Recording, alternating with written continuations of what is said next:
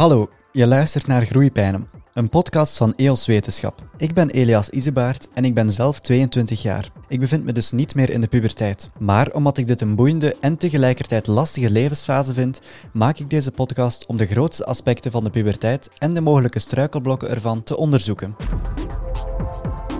Tijdens de puberteit kom je misschien in contact met verslavende middelen en de effecten ervan. Ook dat brengt enkele struikelblokken met zich mee. Voor alcohol gaat het dan over blackouts, waar dat jongeren wel gevoelig voor zijn, schaamte over gedrag dat ze hebben gesteld onder invloed van alcohol of andere drugs. Zelfs sporten kan verslavend werken. Zeker nu we er allemaal graag perfect willen uitzien, zoals in de online wereld. Maar dat ideaalbeeld dat je ziet is vaak zo ver weg van wat dat jij als genetisch potentieel samen met je efforts dat je wilt doen, dat dat daar nog ver van af staat. In deze aflevering stel ik de vraag: waarom experimenteren jongeren met verslavende middelen en welke rol speelt sporten hierin?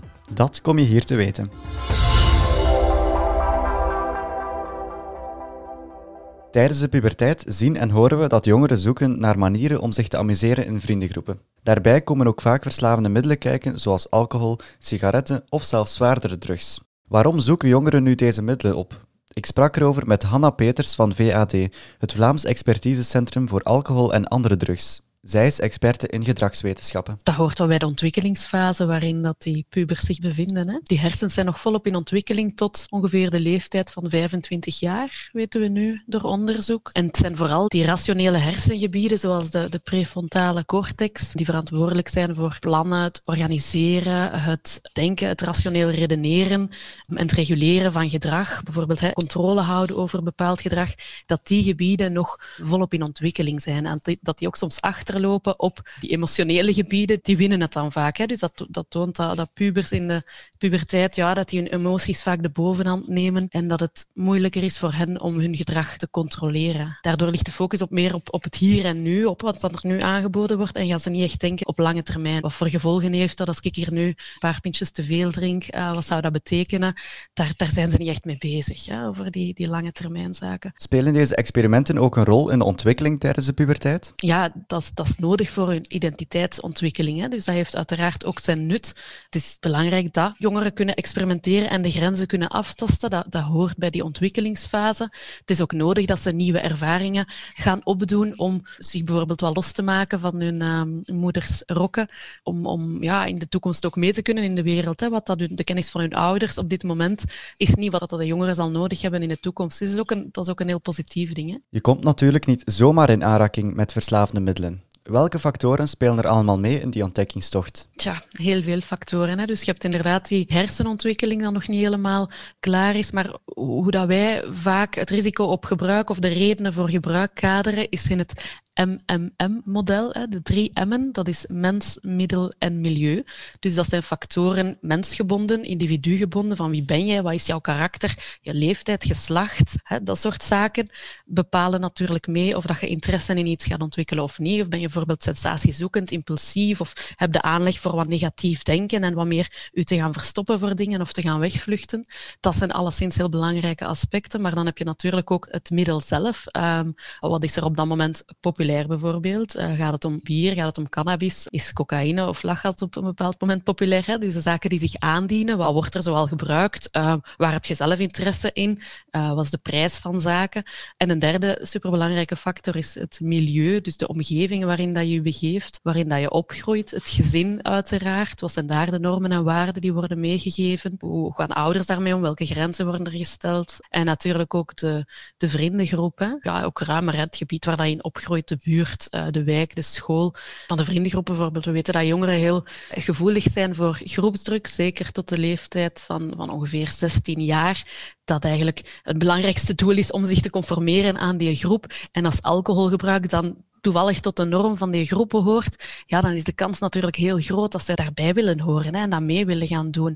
Dus het zijn die drie factoren, mens, middel en milieu, en ook de interactie tussen die drie factoren, die ervoor gaan zorgen of dat je nu wel of niet met een bepaald middel zal gaan experimenteren en ook wat uw kans is om daar dan ook problemen mee te gaan ontwikkelen. Hè. Want je hebt natuurlijk experimenteren, maar daar zijn nog tal van stappen voor uiteraard, voordat je zou kunnen spreken van problemen met uh, dat experimenteren of of problemen met gebruik. Of laat staan problematisch gedrag op lange termijn of verslaving. De regels omtrent alcoholgebruik of bijvoorbeeld cannabis zouden misschien ook wat strenger moeten zijn. Wij zien daar inderdaad nog wel wat mogelijkheden, ja, zowel voor alcohol als cannabis eigenlijk. Voor alcohol is het zo dat op dit moment dat we een beetje een, allee, wat voor jongeren een dubbele regel hebben. Hè. Dus vanaf 16 jaar mogen ze alcohol drinken, maar geen sterke drank. Sterke drank mag pas vanaf 18 jaar.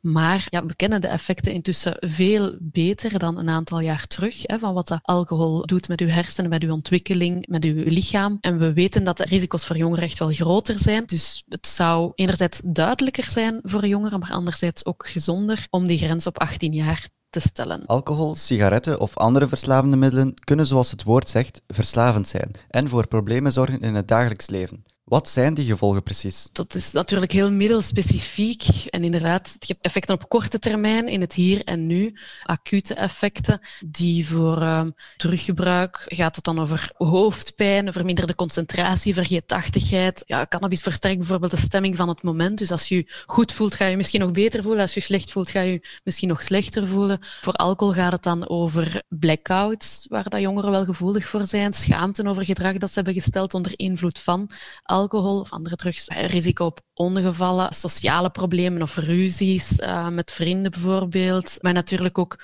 binge drinken, dus op korte tijd of op een termijn van twee uur zestal glazen drinken. Allee, er zijn effecten die hier en nu zorgen voor wel bepaalde risico's. Ook als je eenmalig een keer te veel gebruikt, dan heb je natuurlijk de lange termijn effecten, ja, die meer gaan over, over verslaving en afhankelijkheid. Maar voor die lange termijn effecten zijn jongeren zelf minder gevoelig, omdat ze vooral in het hier en nu leven. Hè? Welke oplossingen of middelen zijn er om de problemen met verslavende middelen te voorkomen? Ja, goede vraag. Veel. Hè?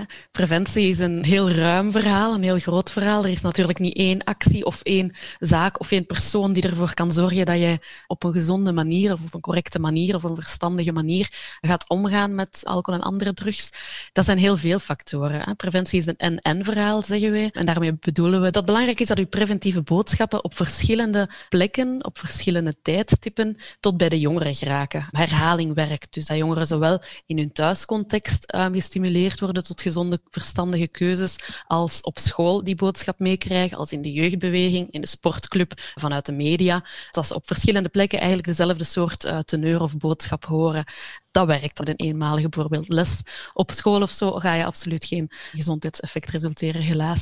Vanuit VAD werken we dan ook naar die verschillende settings en we werken eigenlijk altijd vanuit een beleidsmatige aanpak, een omvattend kader, waarin dat je zowel rond regelgeving werkt, afspraken, regels gaat opstellen om, om een bepaald kader aan te geven aan jongeren. Daarnaast heb je aandacht voor ja, educatie, wat dan wel gaat over die, die lessen, bijvoorbeeld het informeren van jongeren over wat zijn drugs, over de effecten, over de risico's. Een derde pijler in die beleidsmatige aanpak is zorg en begeleiding. En dat betekent dat um, alert zijn voor signalen van jongeren die ermee bezig zijn, die er eventueel wat te ver in gaan. Hè. Hoe kan je zo signalen herkennen als iemand die in de omgeving van de jongeren staat? En vooral, hoe kan je dat bespreekbaar maken? Hoe kun je bezorgdheid gaan uiten aan die jongeren? Hoe kan je daarmee in gesprek gaan? En dan heb je nog je structurele maatregelen, een beetje de omgevingsinterventies, een positief klimaat creëren bijvoorbeeld op school, maar ook eenvoudige zaken zoals water aanbieden of thuis niet altijd een fles wijn op tafel zetten, maar aandacht hebben voor non-alcoholische alternatieven. Jongeren komen ook veel in contact met media, zoals series, films en online persoonlijkheden.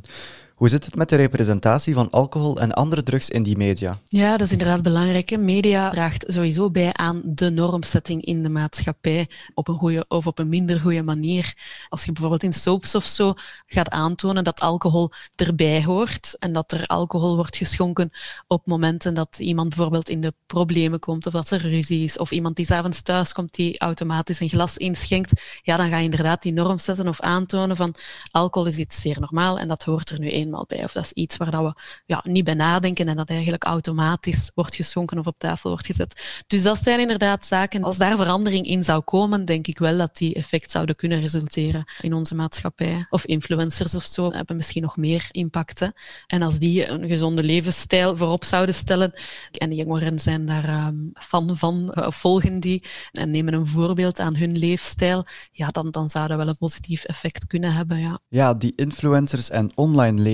Laten we het daarover hebben. Want daar zie je vaak veel mensen die perfect lijken. Maar perfectie is niet altijd hoe jij eruit moet zien. Toch denken veel jongeren dat dat het ultieme doel is. Eruit zien zoals een gespierde bink zonder zwaktes. Maar dat is niet zonder gevaar. Hoe komt het dat sommige jongeren extreem sporten om er zo goed mogelijk uit te zien?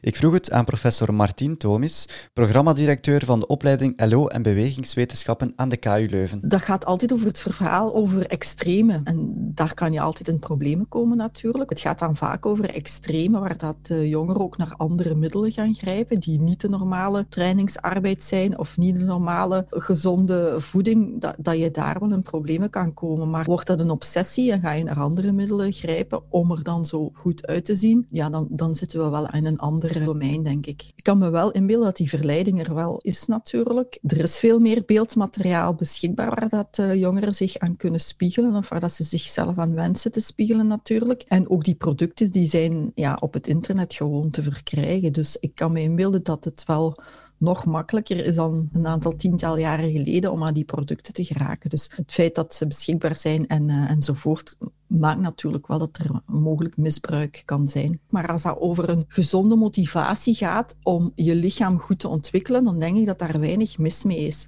Als iemand gezonde voeding tot zich neemt, misschien eens wat meer proteïne neemt, omdat dat goed is naar spieropbouw, dan denk ik dat daar op zich niet zoveel mis mee is. Het woord verslaving mogen we dus niet echt uitspreken. Maar bestaat extreem sporten al wel? Er is zeker een mogelijkheid toe, omdat zowel vanuit dieronderzoek, waar dat bijvoorbeeld de Extreme Running Mouse onderzocht wordt, dus dat zijn muizen die gekweekt zijn geweest vanuit het feit dat zij heel graag in zo'n ratje rondlopen. Hè. Dus zijn ook heel lange afstanden kunnen lopen, sneller kunnen lopen. En daar is in het hersenonderzoek wel naar voren gekomen dat ze inderdaad bepaalde hersensystemen die te maken hebben met rewarding systems, dus uh, beloningssystemen eigenlijk inderdaad een rol spelen waarom dat uh, die diertjes dan graag en lang lopen. Wij zelf hebben een studie gedaan, weliswaar op volwassenen, waar we naar methylatieverschillen gekeken hebben van mensen die veel of weinig sporten in hun dagelijks leven. En daar zien we ook wel dat de verschillen tussen actieve en minder actieve groepen voor een stukje ook in die rewarding systems zitten. Dus er is zeker een aspect dat in dat beloningssysteem zit. En beloningssystemen en verslavingssystemen, ja, dat zit ook kort bij elkaar. Dus daar kan inderdaad wel iets uitkomen in die zin dat uh, je ziet dat eerder bij uithoudingssporten, dat mensen echt wel zeggen van kijk, als ik een dag niet gelopen heb, dan voel ik mij slecht. Dan heb je een soort van afkikverschijnsel of verschijnselen die overeenkomen met afkikverschijnselen. Dus er bestaat wel zoiets natuurlijk als iemand die echt wel extreem bezig kan zijn met sporten en een beetje ongezond wordt wanneer dat ze niet kunnen sporten. Ah ja, methylatie. Dat woord gebruikte professor Tomis net. Ilona van de intellectuele woorden, wat is dat precies, methylatie? Het methylatieproces is een van de belangrijkste processen in ons lichaam. Dit proces speelt een belangrijke rol bij onder andere de groei, genezing, slaap en energieproductie. Het is een proces dat overal in het lichaam plaatsvindt, maar 85% van de methylatie vindt plaats in de lever, waar dit proces het lichaam helpt ontgiften. Methylatie vindt ook plaats in ons DNA en bepaalt hoe cellen eruit zien. Laten we tot slot nog eens kijken naar de aanbevolen hoeveelheid sport die je zou moeten behalen. Wel, we hebben eigenlijk algemene richtlijnen die daarvoor uitgewerkt zijn vanuit een internationaal overlegcomité, zal ik maar zeggen, waar dat we eigenlijk naar ja, een uur per dag zouden willen gaan, uh, waarbij fysieke activiteit toch een bepaald intensiteitsniveau zou moeten halen, of toch minstens vijf keer in de week. Dus daar zijn zeker wel algemene richtlijnen voor uitgewerkt. We weten bijvoorbeeld dat we dat niet halen met ons aanbod van bewegingsonderwijs binnen, binnen secundair onderwijs, als je het hebt over de puberteit. Dus eigenlijk verwachten we ook nog wel dat ze jongeren buiten de lessen die op school gegeven worden, ofwel binnen een sportkader of op zichzelf uh, nog fysiek actief zijn. Dus dat is sowieso niet zo evident om adolescenten tot het niveau te brengen wat dat we vinden dat ze zouden moeten bewegen, zal ik maar zeggen. Oké, laten we even samenvatten. Experimenteren met verslavende middelen zoals alcohol hoort bij de puberteit omdat onze hersenen nog niet volgroeid zijn en omdat we willen loskomen van de regels van onze ouders. Dat zorgt er ook voor dat we in de puberteit sneller naar deze middelen grijpen. Maar dat is natuurlijk niet zonder gevolgen. Er zijn nog altijd regels verbonden aan het gebruik van alcohol en andere verslavende middelen. Laat je dus ook niet beïnvloeden door je vrienden of op sociale media. Durf ook zeker nee te zeggen. Wat je ziet in films, series of op sociale media is niet altijd wat de realiteit is. Dat geldt zowel voor het gebruik van bijvoorbeeld alcohol als de perfecte lichamen die je ziet op foto's. Kies dus verstandig wie je online volgt.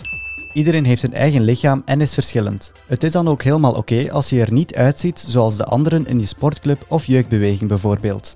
Sporten is gezond, maar gebeurt zoals alles met mate. Je sport ook best regelmatig en genoeg. Dat doe je dus ook best na school en niet alleen tijdens de sportlessen op school. Professor Thomas heeft ook nog een beetje over voor- en nadelen van sporten tijdens de puberteit. En dat verschilt voor jongens en meisjes. Sporten voor jongens tijdens de puberteit is vaak het doormaken van die puberteit een voordeel. Je wordt groter, wordt sterker, wordt zwaarder, je spiermassa ontwikkelt vooral. Dus voor jongens is het doormaken van die puberteit eigenlijk meestal een gunstige factor. Zeker als ze al bezig waren met sporten. En zeker degenen die vroeg matuur zijn, ondervinden al eerder die gunstige evolutie. En voor meisjes zien we eigenlijk een beetje het omgekeerde. Een meisje in puberteit, seksuele maturiteit, borstontwikkeling, onderhuidsvet van nature ook mee toe. Dat zijn eigenlijk parameters die het minder gunstig maken in performance. Dus voor hen is dat vooral leren omgaan met dat lichaam dat verandert, qua vorm, qua uitzicht. Dus voor meisjes is dat een moeilijker fase eigenlijk binnen performance om door te geraken dan in een jongen die daar eigenlijk voor een stukje voordeel gaat uithalen. Voor de eerste keer echt verliefd worden, of zelfs verder en een eerste kus, of de eerste keer met iemand vrijen. Dat is allemaal heel spannend en hoort ook bij de puberteit. Je hoort er alles over in de volgende aflevering. Wil je nog meer podcasts beluisteren of artikels lezen van EOS? Surf dan naar onze website eoswetenschap.eu.